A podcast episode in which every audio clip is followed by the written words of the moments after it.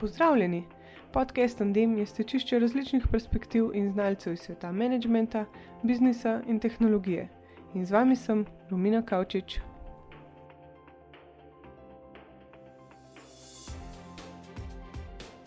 Vzgoja otrok je najpomembnejša služba. Povedano drugače, vzgoja je investicija v prihodnost. Vsak starš se na vzgojni poti sooča s svojimi vrstnimi izzivi, občutki nemoči in situacijami, ki jim pač vedno niso kos. Vse to je življenje. Pre mnogo staršev pa v kritičnih situacijah ne zna ravnati srčno, saj so ukalupljeni v prastare, stroge in nasilne vzorce. Vzgoja mora temeljiti na spoštovanju in zaupanju. Kako smo lahko ljubeči starši tudi takrat, ko nam podpis krom pohti? Pa sem se pogovarjala v prvem delu z magistrom Mijo Bone in v drugem delu z Ivanom Gradišnik iz Family Leba.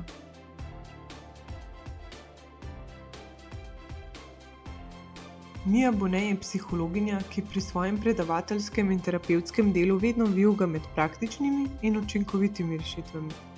Prav zaradi želje po učinkovitih rešitvah je svoji osnovni izobrazbi dodala neurolingvistično programiranje in hipnozo ter magisterij iz coachinga in mentorstva. Hipnozo je uspešno zaključila v San Franciscu, magisterij pa v Oxfordu.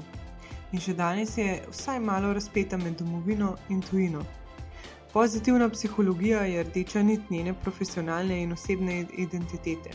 Verjame, da imamo prav vsi številne odgovore že v sebi, zato se nam splača priti do njih. Mija je tudi avtorica dveh priljubljenih knjig za otroke: Zdravilne zgodbice za malčke in Zdravilne zgodbice za predšolske otroke, ki s hipnotičnimi jezikovnimi vzorci malčkom in otrokom pomagajo pri naravnem razvoju. Rada deli svoje znanje, zato je za različne slovenske revije in spletne portale spisala že kar nekaj strokovnih člankov o vzgoji. Njene prispevke o razvoju otrok pa lahko najdete na njeni spletni strani.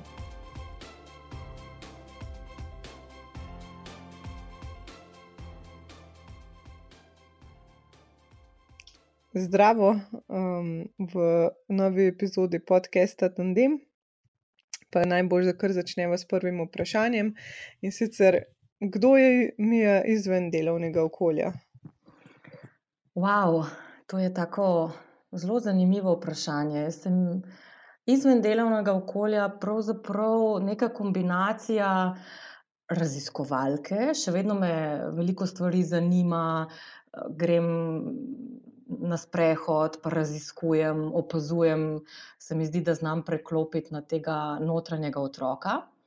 Po drugi strani pa priznam, kar ni ravno skladno s tem, kako so me vzgajali moji starši, da sem lahko veliko krat zelo lenobna. Uh, to bi se recimo daleč videlo kot. Da ležim na kavču, malo prebiram knjigo, pa jo odložim, pa potem sanjam, pa grem po novo skodelico čaja, pa spet primem knjigo, pa sanjam. Tako da izven delovnega okolja se mi zdi, da sem neka taka kombinacija raziskovalke, ki je lahko zelo dinamično notranje stanje, in pa, tako kot sem zdaj izpostavila, da sem lahko lenobna in, in da kar sanjam, in mi dnevi grejo. Mimo grede, lahko to poletje je bilo takšno, ker sem imela ogromno časa, tri tedne samo zase. In imela sem res super načrte, kaj vse od strokovnih knjig bom prebrala, pa sem odprla samo prvo, prebrala pet strani in jo tam postila. No, po moje um, je to kar smiselno, da se je poletje v bistvu nek čas za polnjenje in mislim, polnjenje baterij. Ja, se strinjam. Seveda, vsak dan med tednom. Ja, ker točno to je. Danes se mi zdi, da smo na nek način zelo upeti v, recimo, mi odrasli delovne obveznosti in potem, da popovdne poskrbimo za otroke. In otroci tudi so zelo upeti v svoje šolske, izvenšolske dejavnosti. Torej, neka kolektivna zavest danes gre v to smer. Uh, treba je biti učinkovit, treba je biti aktiven, treba je biti zaposlen, in seveda, ko si učinkovit, aktiven in zaposlen, naj bi bil logičen rezultat tudi to, da smo uspešni. Uh, seveda, tista bolj temna plat te medalje pa je to, da smo lahko utrujeni, recimo, jaz, sploh potem pri malo starejših, oziroma bom rekla starejših, ki grejo v fazo zgodnje odrasle dobe. Zaznavam, da je ta moment, da ves čas brzimo in hitimo, potem nekaj, kar prinese, kje pa je smisel. Delamo samo zato, da delamo, brzimo samo zato, da brzimo. In danes je izziv, kako uživati v teh majhnih stvareh. Jaz se učim, kako recimo zdaj deset minut samo nekje sedeti in biti mirna v tem, da delam nič. Mm. Ja, ker pač pozabiti na te družbene norme, ki so zdaj nekako spostavljene. Da če ni stalno nekih uh, triggerjev, da je v bistvu že na robe, uh -huh. z mhm. dnevom nekaj. Um, Točno to, recimo, čakanje je nekaj, kar ne znamo več, ker takoj potegnemo telefon. Jaz tudi sama pri sebi opazujem to in se veliko krat ujamem in rečem: Ok, čakaj in opazuj. In je zanimivo. Je pa to spet neka kondicija, ki jo je treba pridobiti, ker uh, ekrani uh, so zelo zanimivi, nas privlačijo. Če smo pa čisto iskreni, je pa recimo 60 odstotkov stvari, ki jih počnemo po računalnikih in telefonih, nekaj, kar ni življenjsko pomembno. Ja, sploh, ker se ne povezujemo pa z ljudmi, ki so okrog nas. Največkrat. No, sej zato se mogoče vrnemo lahko v otroštvo. Pa me zanima, kaj je za vas, um, kaj bi bili za vas najboljši temelji za otroka, um, za odraslo obdobje? Wow, kompleksno vprašanje. Um, v resnici najbolj pomembni temelj je seveda ta samozavest in suverenost, torej pozitivna samopodoba, ki pa, če greva malo bolj globoko in široko, zahteva veliko nekih spodbud in frustracij oziroma frustracije do te mere, da znam neke težave rešiti sam. In tukaj izpostavljam to, da recimo tudi zelo znan svetovni ameriški psiholog je že v prejšnjem stoletju, v 80-ih letih, govoril, da popolna vzgoja ni smiselna, da je smiselna dovolj dobra vzgoja. S tem je imel v mislih, da je pravzaprav potrebno veliko spodbud in podpore, hkrati pa je nujno potrebno otroku ustvarjati okolje, kjer se srečuje s frustracijami. Je pa izpostavil, da ne bi te frustracije bile skladne s tem, kaj otrok zmore. Če govoriva recimo o enoletniku, je frustracija za to, recimo, da še ne hodi, da se postavlja na nogice, In pravzaprav tam na mizi, ki je stran kakšen meter, gleda svojega najljubšega medvedka, in ker ni sposoben še hoditi, torej ker še ni osvojil hoje, je seveda to frustracija, tukaj sem, postavim se na nogice, vendar jaz bi šel rad tja do tiste mize, kjer je na mizi moj medvedek. To je frustracija, ki jo je pravzaprav on sposoben preživeti tako, da nabira neko jezo, da z rokicami nakaže, kaj bi, morda že zajoka, morda pove tudi, sploh tisti, ki so zelo hitri. Ne bom rekla ravno besedo, ker so še v predverbalni fazi, vendar spusti kakšen glas, predvsem starši so zelo dobri v tem, da dekodirajo, kaj otroci govorijo, ko jih ostali ne razumemo. In nam tako z tiste frustracije nakaže, hej, tukaj sem in jaz bi rad tega medvedka. Zdaj, če govoriva recimo o šestletniku, je frustracija za šestletnika to, da morda, ko pride v prvi razred osnovne šole, ne pozna nikogar in seveda pri šestletniku govorimo o tem, da se je razvil mentalni in čustveni aparat. Šestletnik ne joka tako pogosto in intenzivno, kot to počnejo enoletni otroci, ampak morda pri sebi začuti um, neko stisko in iz te stiske išče načine, kako bo pristopil potencialno novemu prijatelju. Torej, zdaj spet, če grem nazaj, frustracija je nujna zato, ker mi kot otroku dokazuje, da sem sposoben oziroma sposobna s tem, kar znam, rešiti to frustracijo. Torej, spet. Ni fair, da recimo od enoletnika zahtevamo, da lepo drži žlico in juho, ko jo da na žlico, pripelje do ust, brez da bi uh, juho polil, ker je to prevelik razkorak.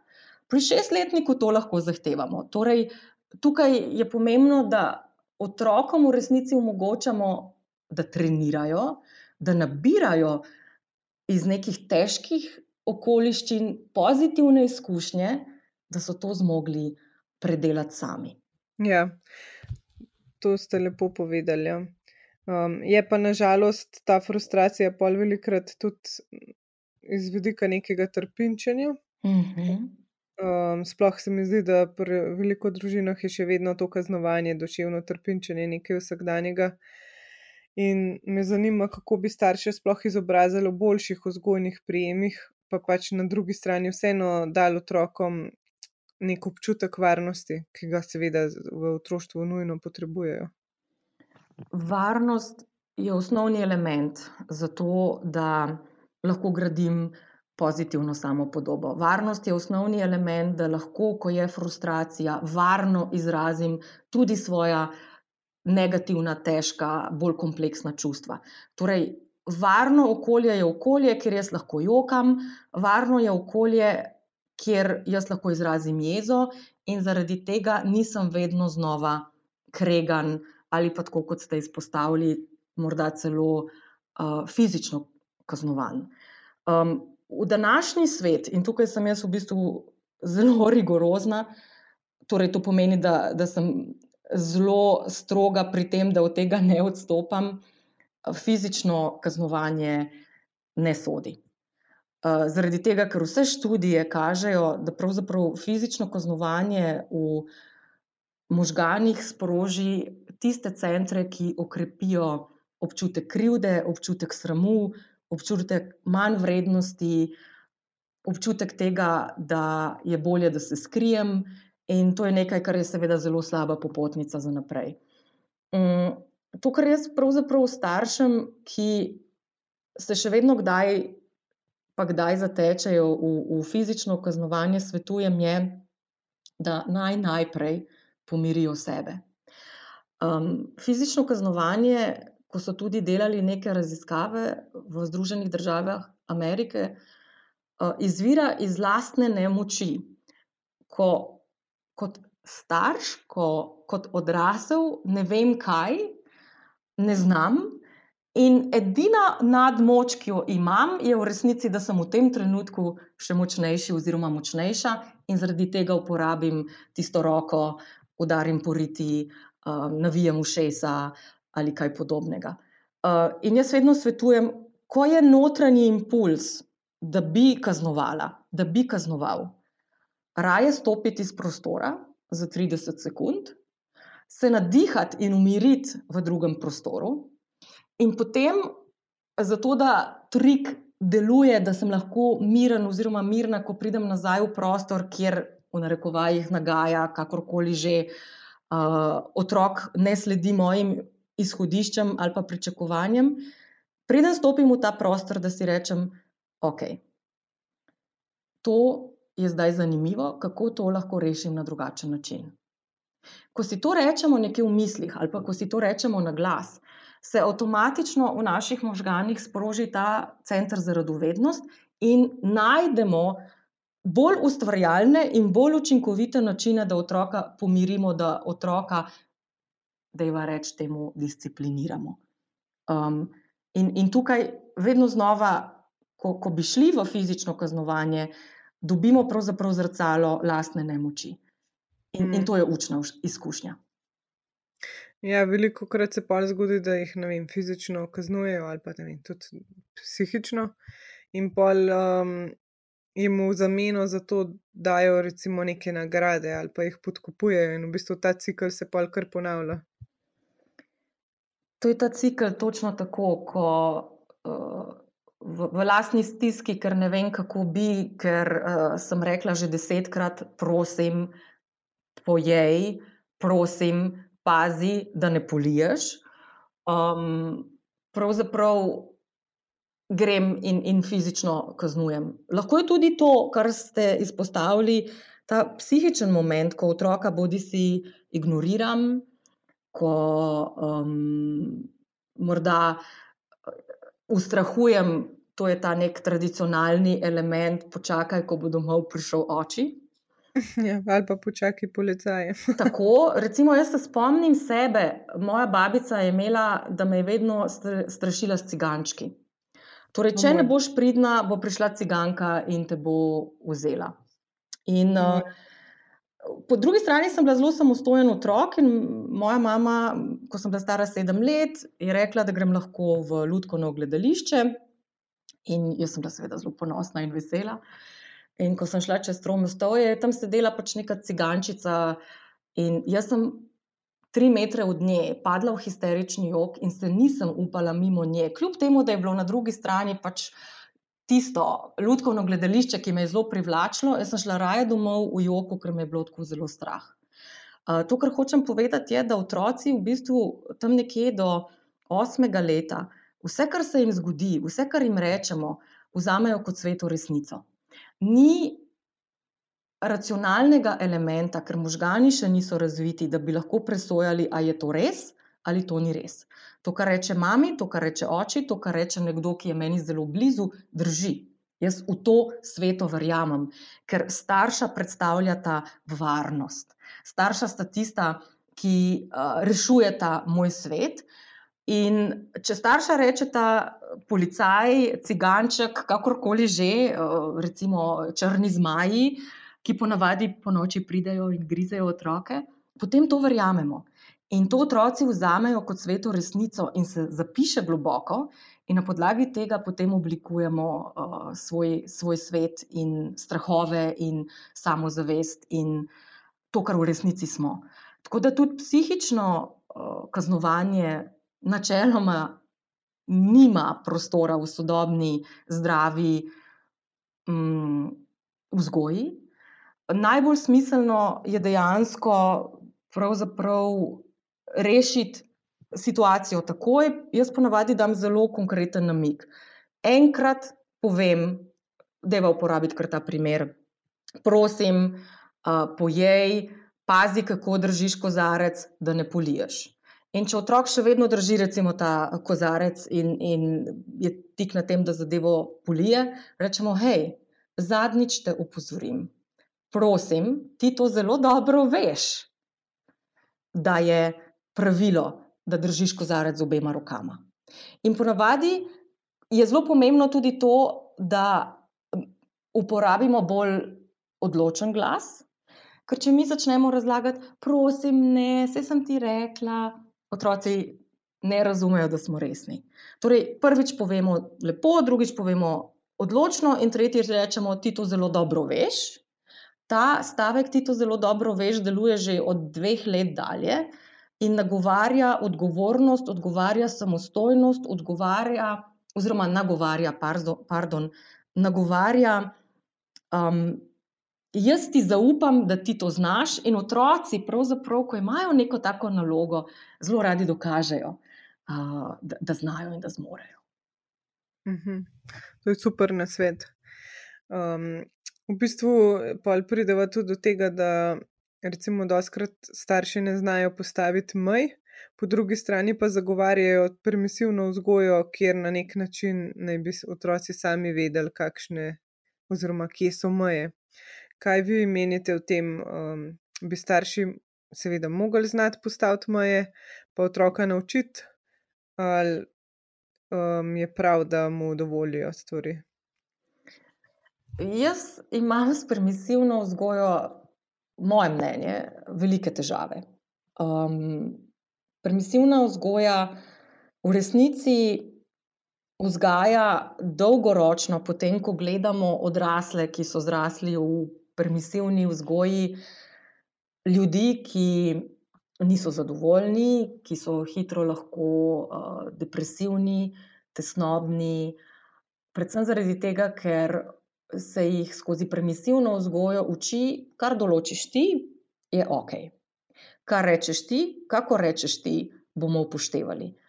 Um, kakorkoli že, vedno jaz pravim, je potrebna meja zdravega razuma, meje so potrebne. Potrebne pa tam, kjer je to, seveda, za otroka nujno. Torej, ne izbirati, da je vsaka zadeva bojno polje. Um, v smislu, ali, ali bom obula rumene nogavičke, ali bom obula črtaste dokolenke.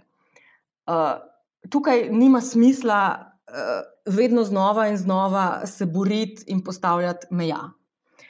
Um, pri tem, ko pa je, ali boš pojedla večerjo in boš pojedla hrenovko, in bi recimo nekdo rad palačinke, tukaj pa seveda ne odstopimo, razen če se nismo že prej do povdne pogovarjali, za večerjo pa bojo palačinke. Meje so zelo pomembne, meje v bistvu psihološko omogočajo, da vemo tudi v družbi kasneje, kaj se sme in česa se ne sme. Meje nas učijo, da kdaj zmagamo, kdaj ne zmagamo. Meje nas učijo, da razumemo, česa smo sposobni, da lahko spremljamo avtoriteto. Zaradi tega so meje nujne in permisivna vzgoja dejansko povzroča predvsem to, da otrok v prvi fazi ali pa v prvih obdobjih, prvih letih svojega življenja mogoče živi veliko bolj svobodno, ker vse lahko, vendar je kasneje v tem zelo zmeden, ker vse lahko In ker vse lahko, pravzaprav nič ni vredno se potruditi, in um, moment nekega užitka, nagrade, polnosti, zadovoljstva in smisla potem izgine, ker vse lahko. Mi potrebujemo v življenju kontraste, mi potrebujemo obe plati medalje, mi potrebujemo, tako kot smo prej rekli, moment frustracije, zaradi tega, da lahko zdravo, čustveno odrastemo in zrastemo. Tako da pač ta integrativni vzgojni slog, ki temelji na pravičnosti, na poštenosti, na sodelovanju, na vnaprej postavljenih pravilih, je tisti, ki je pravzaprav optimalen in nakazuje najbolj moderen pristop. Permisivni je skoraj tako zelo slab vzgojni slog kot tisti klasični, tradicionalni, uh, z vidika avtoritete, kjer je oče tisti, ki ima najbolj prav, potem je mama tista, ki ima malo manj prav, ampak ima še vedno prav. Torej, integrativni slog je tisti, ki je najbolj pravi in zahteva veliko doslednosti, zahteva veliko dela, vendar vzgoja je delo. Ja, točno to. Um, se zato me v bistvu zanima, ker če, če gledamo otroštvo, imamo polno nekih prepovedi. Um, pa pač, recimo, dojenčku govorimo, kaj sme in kaj ne sme dati v usta, pač to je en res simpel primer.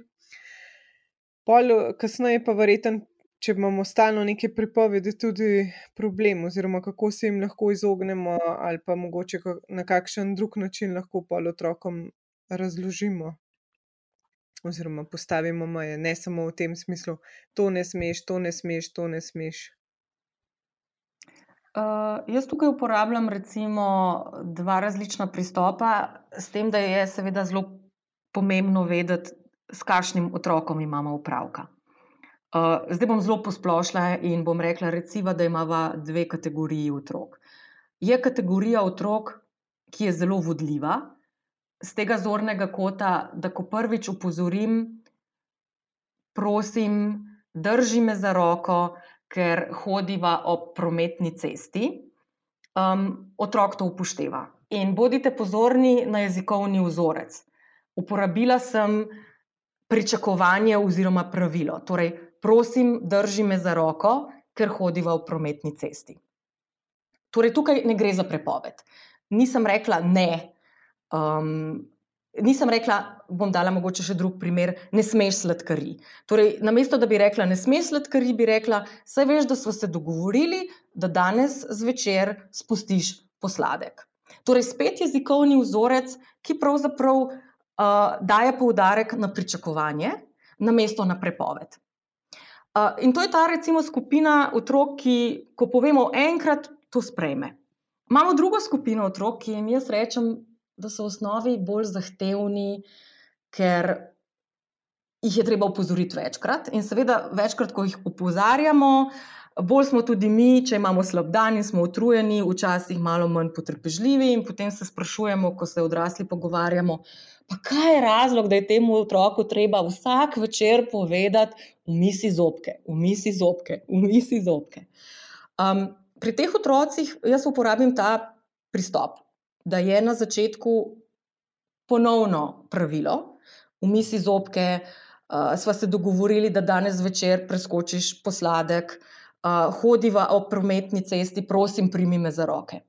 In te otroci se seveda upirajo. Ti otroci pravzaprav vedno bolj testirajo meje.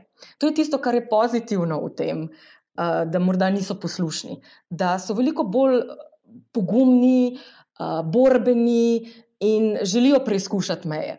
In to je tudi osnovna otrokova naloga. Ker s tem nakazujejo, da so samostojni, s tem nakazujejo, da pravzaprav imajo občutek, da uh, so samo inicijativni. Je res, da nam odraslim potem povzročajo več težav, ampak dolgoročno je to tudi dobro. Torej, prvič rečem, takšno je pravilo. Drugič, z bolj odločnim glasom rečem, hej, dovolj je. Torej, spet ne uporabim ne, ampak uporabim besedo, ki je pravzaprav zelo jasna, da nakazuje dovolj je stop na pravilo. In potem tretjič rečem, hej, ti to zelo dobro veš. Umisi zobke, dogovorili smo se, da preskočiš posladek, hej, rekla sem ti, obuj se, povedala sem ti to, prosim, pričakujem, da to storiš. Torej, namesto ne, ne, ne, ne, ne, ne, ne, da smo tukaj spet bolj ustvarjalni in uporabljamo dovolj, ustavi se, stop, kaj smo se dogovorili. Torej, na takšen način, da pravzaprav otroke na nek način bolj pozitivno vključimo v to, da jih spominjamo na prepovedi. Mhm. Ja, pa da se v bistvu tudi sami začnejo zavedati. S časom, seveda. Sigurno. Je pa to, tako kot sem rekla, zelo utrujajoče. Meni marsikdo potem reče: Joj, mi, jaz nimam toliko energije, jaz ne morem vsak večer, vedno znova in znova, ko stopim v sobo, razlagati, prosim, pospravi igrače. In potem začnem sama pospravljati ali pa znorim, in šele potem, ko znorim, se otrok odzove. To je vse človeško in je tudi čisto ok, da kdaj znorimo.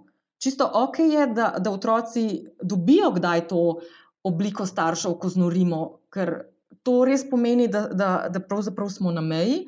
Je pa fair, da v bistvu stopnjujemo in da damo otroku možnost, da se odzove, če je zelo poslušen, že na prvi komentar, oziroma če ni zelo poslušen in potrebuje, da se deremo, to, da se pravzaprav deremo. Ampak, tako kot sem rekla, dovolj je, včasih to, kar zelo pomaga pri teh, ki niso tako zelo poslušni, je. Um, da jih recimo tako primemo malo bolj močno, vendar ne tako, da boli, torej malo bolj s pritiskom za roko, torej da, da je ta fizični kontakt, ker otroci potem takoj pogledajo načeloma nas v oči in da zelo odločno rečemo, zdaj je dovolj. In spet ta čudežni stavek, ki smo ga povedali na začetku, ti zelo dobro veš. Mhm. No, super, to se je treba zapomniti. um, Zdaj me pa zanima, v bistvu, ko so otroci majhni, zdaj pač smo govorili o enoletnih, pa o šestletnih, pa zobki umivanje, je to še čisto ok. Problem pa nastane, če ti otroci postanejo problematični, pa nasilni najstniki. Kako se pa lotimo uh, reševanja v tem primeru? Pa vem, da je kompleksno vprašanje, ker spet je pač lahko tisoč nekih primerov. Um, Ampak, ja, kaj bi bil mogoče prvi, uh, najbolj pomemben na svet? Najstniki so zahtevni. Um, res. Tudi zaradi tega, ker spet, če pogledamo samo za trenutek zelo posplošeno in poenostavljeno v možgane najstnikov, uh, so ti možgani preplavljeni s hormoni, uh, ki prenašajo te informacije, drznosti. Uh, Premikanja meja, užitka, torej to je tisto, kar najstnika pravzaprav žene. To ne pomeni, da najstniki ne vedo, kakšne so prepovedi, to ne pomeni, da najstniki ne vedo, kakšne so lahko sankcije. Vendar je v njihovih možganjih čisto biološko več te podpore, da so drzni, več te podpore, da želijo užitek in so zaradi te drznosti in želje po dokazovanju in želje po užitku pripravljeni sprejeti tudi sankcije in na nek način kazni. Na splošno velja, da je zelo pomembno, da se čim prej, ko zaznamo, da nam najstnik v narekovajih malo uhaja, uh mhm. -huh. usedemo in da najstnika takrat, namesto da moraliziramo, da pridigamo, um, razumemo, kot da je tudi najstnik odrasel. Torej, da res radovedno sprašujemo, povej nam, povej nama, um, kaj, kaj je razlog, da si se za nekaj odločil, oziroma da si nekaj naredila. In da pravzaprav skupaj pravzaprav na nek način najdemo moment dogovora, zakaj to ne. In da čim prej, vedno znova, ko najstnik prekrši neko pravilo, pridemo do tega družinskega, da imamo temu tako reči, nekega sestanka, kjer ponovno rečemo, hej, kaj je bil razlog, kako ti lahko pomagava, kako ti lahko stojiva ob strani, kaj potrebuješ. Zdaj, najstniki, kljub temu, da jim na nek način godi, da, da jih jemljemo in dojemamo kot odrasle, nam bojo velikrat rekli, da je vse skupaj bedno ali pa da se ne bi z nami pogovarjali. Vendar že to, da najstnik vidi, da smo opazili in da sledimo in da smo pripravljeni uh, pomagati in podpirati. Pravzaprav dela veliko razliko, in najstnik nekje to pri sebi nezavedno zapiše in upošteva načeloma kot, kot kompas za naslednjič. Mhm. Ja, čeprav se jim verjetno v nobenem primeru ne da pogovarjati, ampak mogoče imajo vsaj občutek tega, da ja, da imajo spet varno okolje, kjer se lahko zatečejo, če bo kakšen problem. Njim se res ne da pogovarjati, ker sploh pa ne z nami, odraslimi, ker ne štekamo, ker je bedno.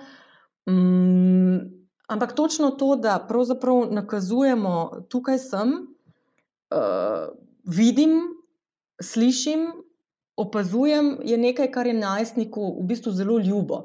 Kljub temu, da mogoče nam dajo ta moment, uh, in feedback, ah, bedno je vse skupaj.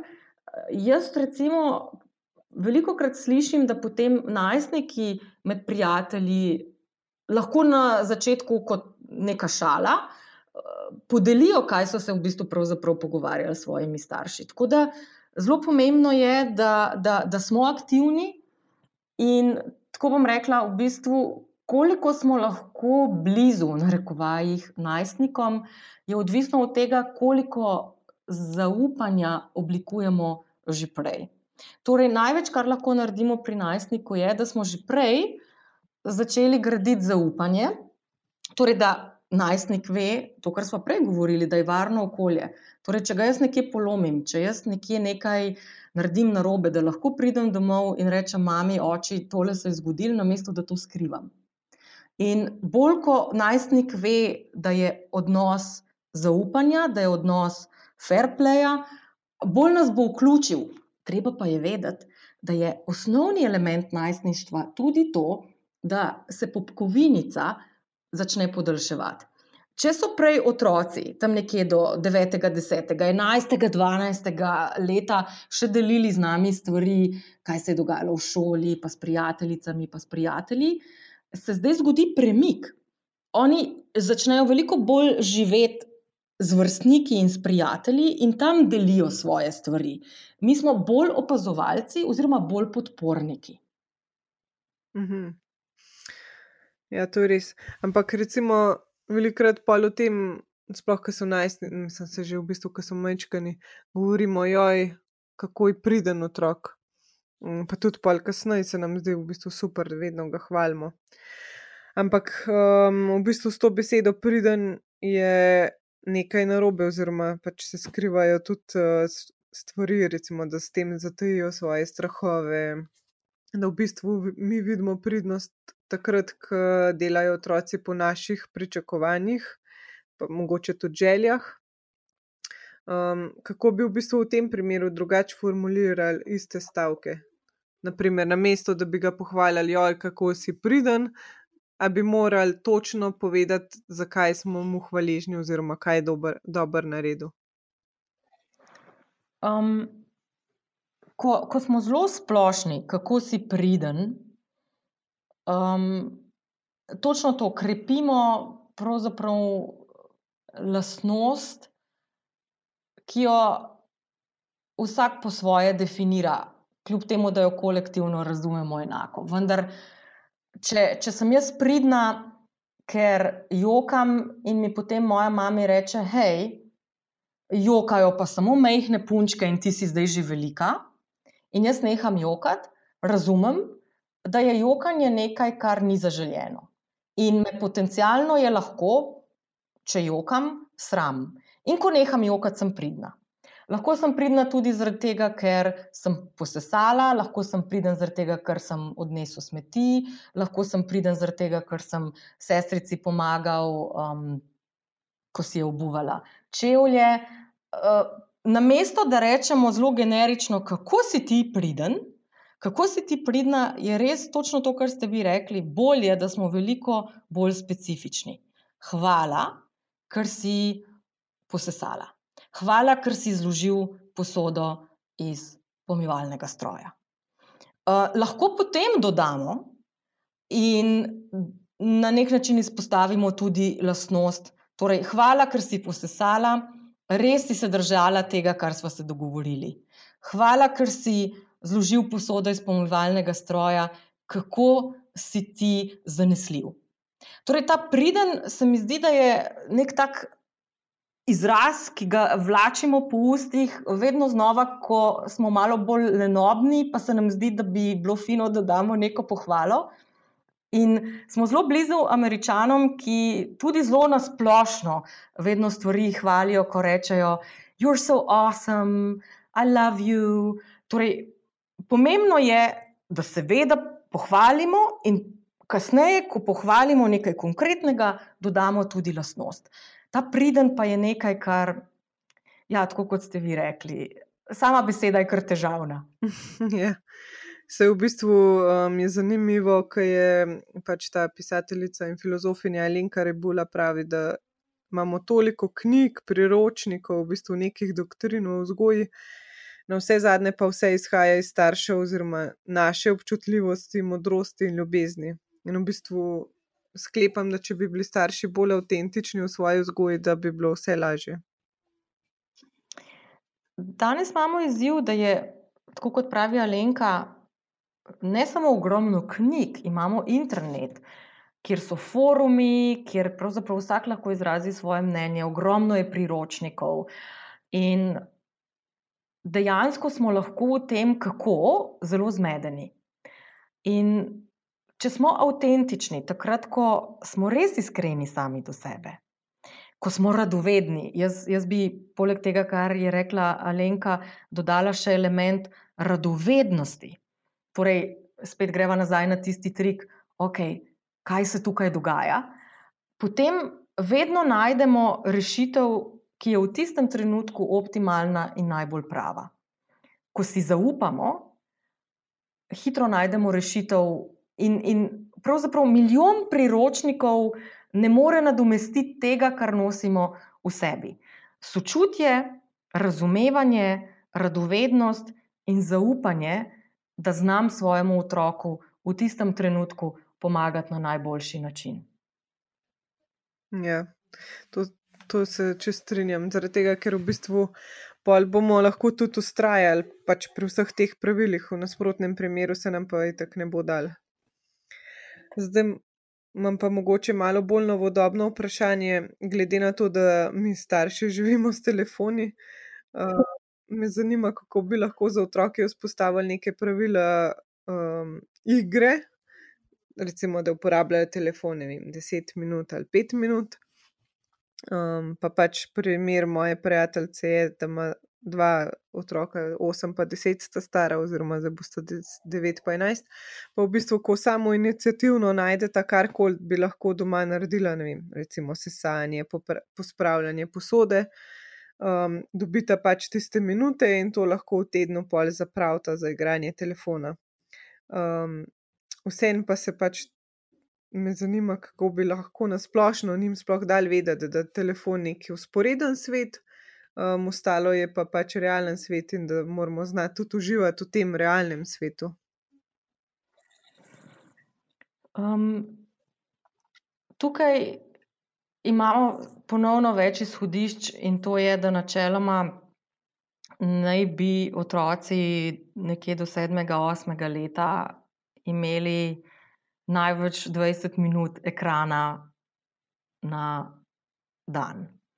Medtem ko naj bi otroci pod dve leti, oziroma otroci, ki so mlajši od treh let, imeli nič minut ekrana na dan. Um, jaz osebno sem tukaj pravzaprav pristaš, da rečemo, kar je seveda skladno z vrednotami družine. Ali je to 10 minut na dan, ali je to 20 minut na dan, ali je to 30 minut na dan. Več kot 30 minut na dan je že kar veliko. Um, in, in pravzaprav, da se zelo jasno v družinskem urniku določi, kdaj je čas za ekran. Uh, tukaj jaz nisem pristaš, da se pravzaprav pogojuje, če 10 minut delaš nekaj, kar je vezano na hišna upravila ti dam 10 minut ekrana za nagrado. Hišno opravilo je treba upraviti, ne glede na to, um, ali, ali bi ali ne bi. Uh, zaradi tega je zelo smiselno, da v bistvu otroke vključujemo v hišna opravila spet, glede na njihovo starost, kaj so sposobni, tam nekje že od tretjega leta dalje. Tri, triletniku lahko damo v roke recimo žlice, zato da jih odnese na mizo, da nese recimo tudi prtičke na mizo, medtem ko petletnik lahko že tudi pripravi mizo, odnese posodo, šestletnik zloži posodo v stroj, zloži posodo iz stroja. Torej, pomembno je, da recimo hišna opravila, hišne obveznosti otroci opravijo ne glede na nagrado. To je tvoje pravilo, tako kot je moje pravilo, da, da perem, tako kot je moje pravilo, da zunaj kosim travo, tako kot je tvoje pravilo, da greš v vrtec oziroma v uh, šolo, je moje pravilo, da hodim v službo. Tisto, kar pa je lahko kot nek cukrček, ker otroci to tako dojemajo, pa je lahko ta ekran, ki je zelo jasno določen, teh deset minut. Uh, recimo, fino je, da ni to vsaj dve uri pred spanjem.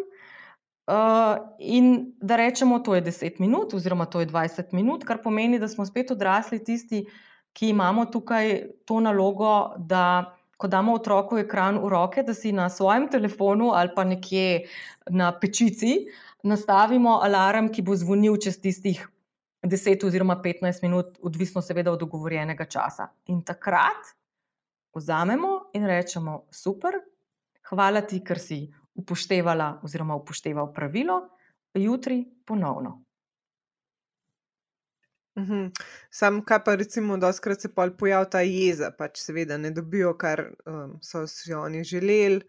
Um, kako mu pa v takih trenutkih razložimo, da to ni v redu, oziroma tukaj pa spet nastane um, ta prepoved, recimo, če sedaj ne boš upošteval, kaj se pa zgodi.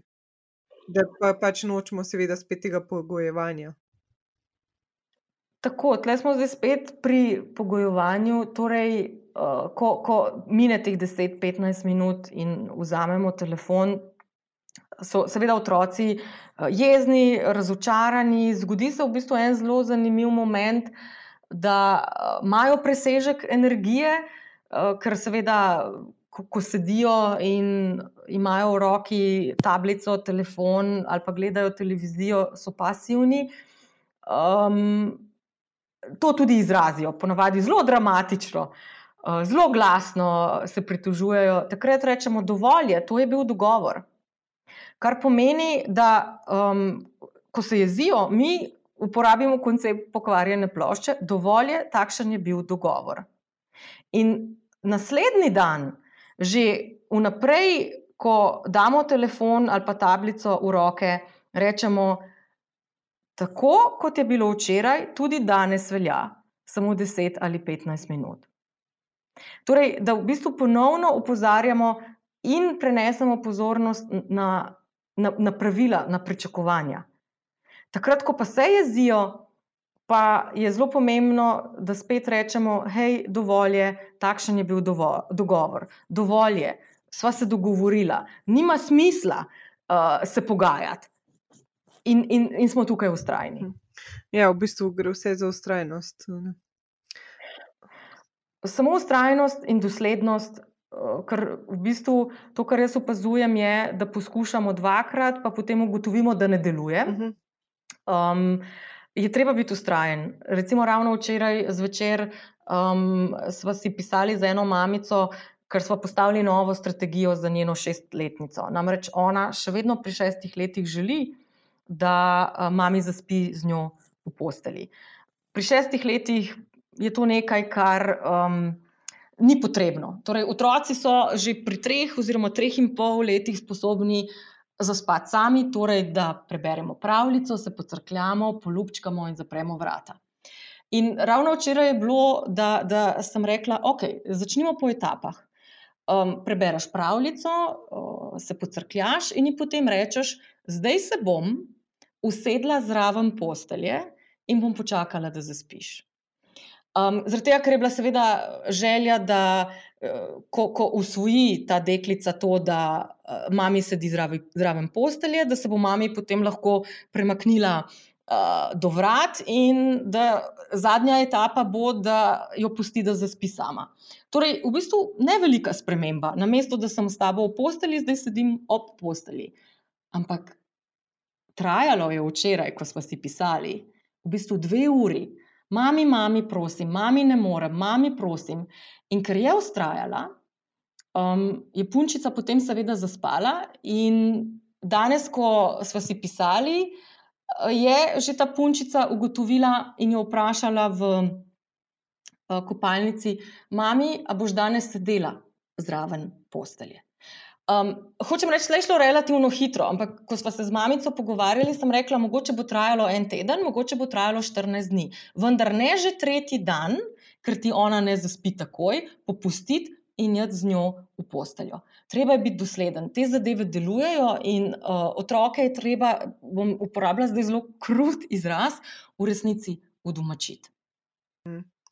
Ja, pač spet smo pri teh mejah, pokazati jim, kje so meje in pol pač ustrajati. Um, ker sami tako bi mogoče postali zelo neurotični, če bi se vsak večer morali nekaj odločiti ali pa že odločiti za obleke pri vem, treh letih in take, kot je mogoče pri, nekdo pričakuje s to permisivno vzgojo. Točno to, ker potem uh, moment, da je vse mogoče, res prinese. Um, pomankanje osredotočenosti, pomankanje tega, da pravzaprav je hitro se odločiti nekaj, kar je tudi pomembna lastnost kasneje v življenju. In kakorkoli že trik, da otroku damo na videzno izbiro, je trik, ki psihološko deluje. Na videzna izbira pomeni to, ali boš pojedla pet krompirčkov ali boš pojedla tri krompirčke. Tukaj je pravzaprav izbira, in mi otroka nismo za nič prikrajšali. Otrok še vedno trenira, da se odloča, torej krepi sposobnost odločanja in tega, da uh, se seveda potem odloči na nek način sam.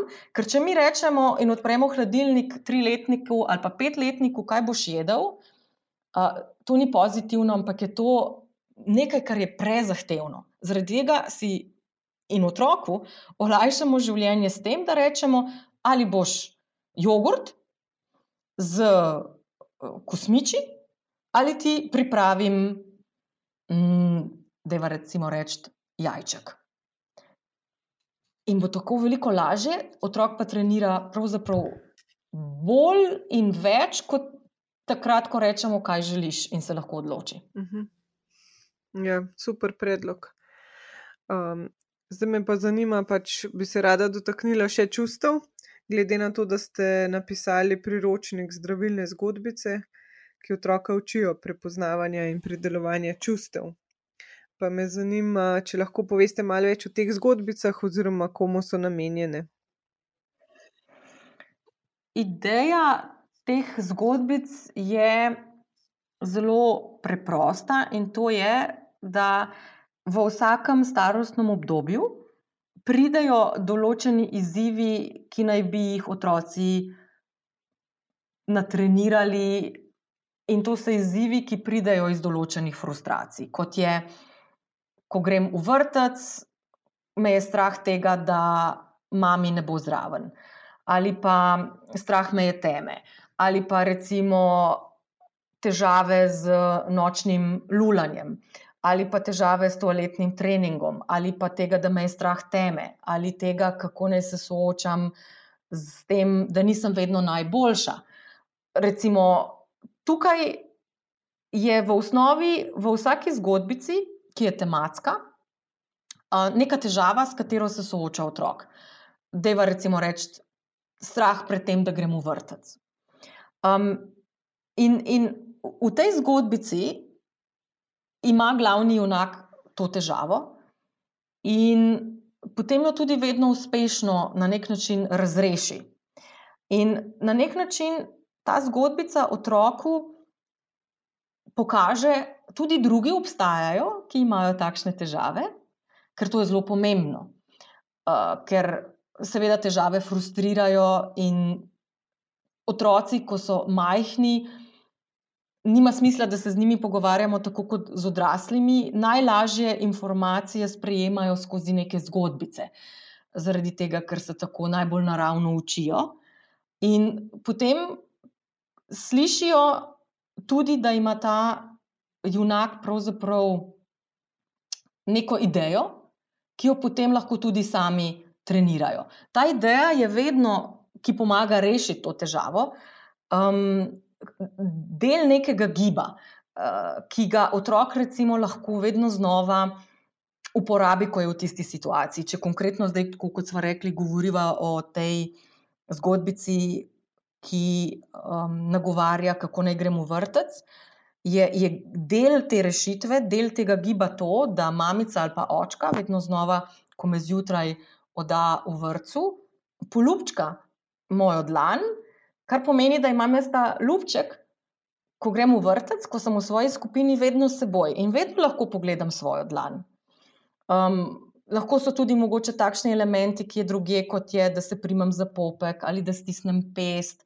Ker s tem, ko beremo to zgodbico in ima otrok potem nek gib, ko ta gib nekje izvede, se avtomatično v možganjih sproži neki nezavedni spomin, ki je vezan na ta gib.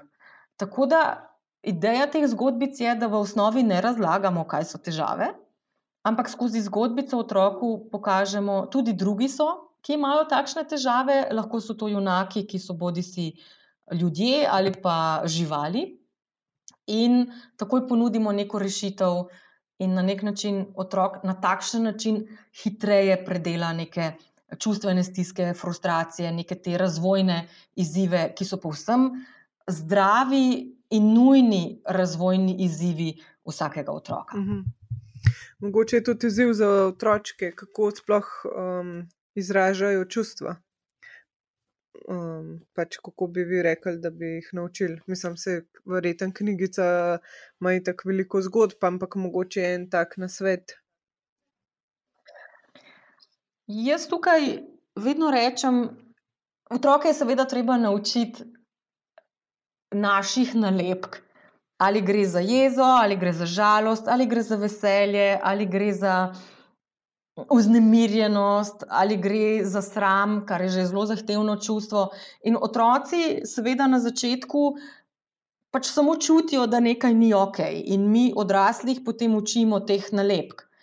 In načeloma to, kar otrok, ko pride do, do jeze, do žalosti, do razočaranja, do bolečine, do tega, da se z nečem ne strinja, do trme, posplošeno izražajo ta čustvena stanja z jokom. In jih je treba vedno bolj učiti. Uh, hej, ustavi jok, nehaj, nehaj jokati, povej mi, zakaj gre. Ampak na drugačen način. Pri otrokih naredimo to tako, da jih seveda um, vedno znova vprašamo. Jaz ponavadi uh, uporabim kar preprosto vprašanje. Ok, povej mi na drugačen način, da, lahko, da te lahko razumem. Povej mi, kaj potrebuješ. Torej, namesto da rečem, nehaj jokati, nehaj jokati, nehaj jokati, pomiri se, pomiri se, sama sklepam, ker joka, da nekaj ni ok in mi želi povedati. Zaradi tega rečem, ne razumem te, povej mi tako, da te lahko razumem. Povej mi, kaj potrebuješ. Uh, in, in, in potem rečejo, ni mi dala moje punčke, boli me. Um, torej, povejo otroci, kaj, kaj je tisto, kar, kar je razlog, da pravzaprav jokajo. In potem mi lahko dodamo, ko slišimo, zakaj gre. Aha, bolite, aha, si žalostna, aha, si jezen. Torej, v bistvu zaporedje je, da rečemo, povej mi, da te lahko razumem. Mhm. Torej, to je moment, da ustavimo jog, potem nam povejo, kaj je narobe, in potem mi dodamo nalepko. In se tako otroci učijo. Mhm. Ja, to je super. Mislim, pač glede na to, da se večkrat sprašujemo, kako bi lahko um, na tak kul cool način um, razložili malčkom. Zdaj me pa zanima, v bistvu, glede na to, da bodo to verjetno poslušali tudi kakšne mamice. Jaz pač opažam, da je doskrat je problem, da si mame kar res težko prvoščijo kakšno uro zase, ker imajo vedno v glavi, oj, pa zdaj bo otrok brez mene eno uro. In, um, zihar bo kaj šlo na robe, pa pogrešal me bo. Ampak na vse zadnje, v bistvu, pač, če je mama vesela, bo tudi otrok vesel. Zato me zanima, kakšen nasvet imate uh, za mame, um, da se ne bodo postavljale vse večjo frustracijo in da bodo šle brez slabe vesti um, ven in si vzele, vzele kakšno uro zase. Jaz pravim, kakor se sliši banalno, smešno in morda preprosto, družinski urnik na hladilniku dela čudeže. Um, kar pomeni, da je fino, da tudi moj partner potencialno ve, kdaj v dnevu si jaz vzamem 20 minut ali 30 minut ali eno uro zase. Ker ko to zapišemo v urnik, zdaj govorim 20 minut, 10 minut, pol ure, ker je to seveda tudi odvisno od otrokove starosti. Torej, če jaz še vedno dojim in se dojenček doji zelo pogosto, si verjetno ne moremo vzeti ure. Ampak potem, ko je otrok star tri leta oziroma dve leti, si lahko vzamem tisto uro. Um, fino je, da si v urnik zapišemo, da zdaj karikiram, uh, je čas za mami od 4:30 do recimo 5:15. Ker to pomeni, da ko vidimo, se v resnici ne more zgoditi nič, da bi nekdo rekel, sem pozabil, je nekaj prišlo vmes. Edino, kar lahko pride vmes, jaz pravim, je urgenca. Um, drugače pa je fino to načrtovati. In jaz vedno rečem, brez slabe vesti si vzeti čas zase, ker že dojenčki, ki so stari 8 mesecev, v 10 sekundah po študijah zaznajo, v kakšnem notranjem stanju um, je, je njegova mama. Torej, uh, bolje je, da smo mi ok, da smo sproščeni, da smo spočiti, pa si vzamemo tisto uro, kot da v bistvu gremo preko meja in čutimo notranjo napetost. In tudi, ko letimo, nam vedno na letalu rečejo, v primeru, da v um, kabini ne bo dovolj kisika, prosim, če potujete z otrokom, najprej sebi nadanite kisikovo masko, šele potem otroku. Ker je treba najprej pomagati sebi, ker če smo mi brez energije, če smo mi utrujeni, potem bomo hitreje znoreli, potem bomo hitreje kaznovali, potem bomo hitreje v tistem stanju da se nam bo zdelo, da nismo močni in se bomo zatekali v resnici v dolgoročno nespametne rešitve. Torej, v bistvu gre za sneženo kepo. Ko si jaz vzamem pol ure zase, naredim veliko več za celoten sistem, kot to zgleda na prvi pogled. Zaradi tega pravim, absolutno, če ne že 30 minut vsak dan, 15 minut vsak dan. In potem mogoče kdo reče, kaj pa ne v 15 minutah.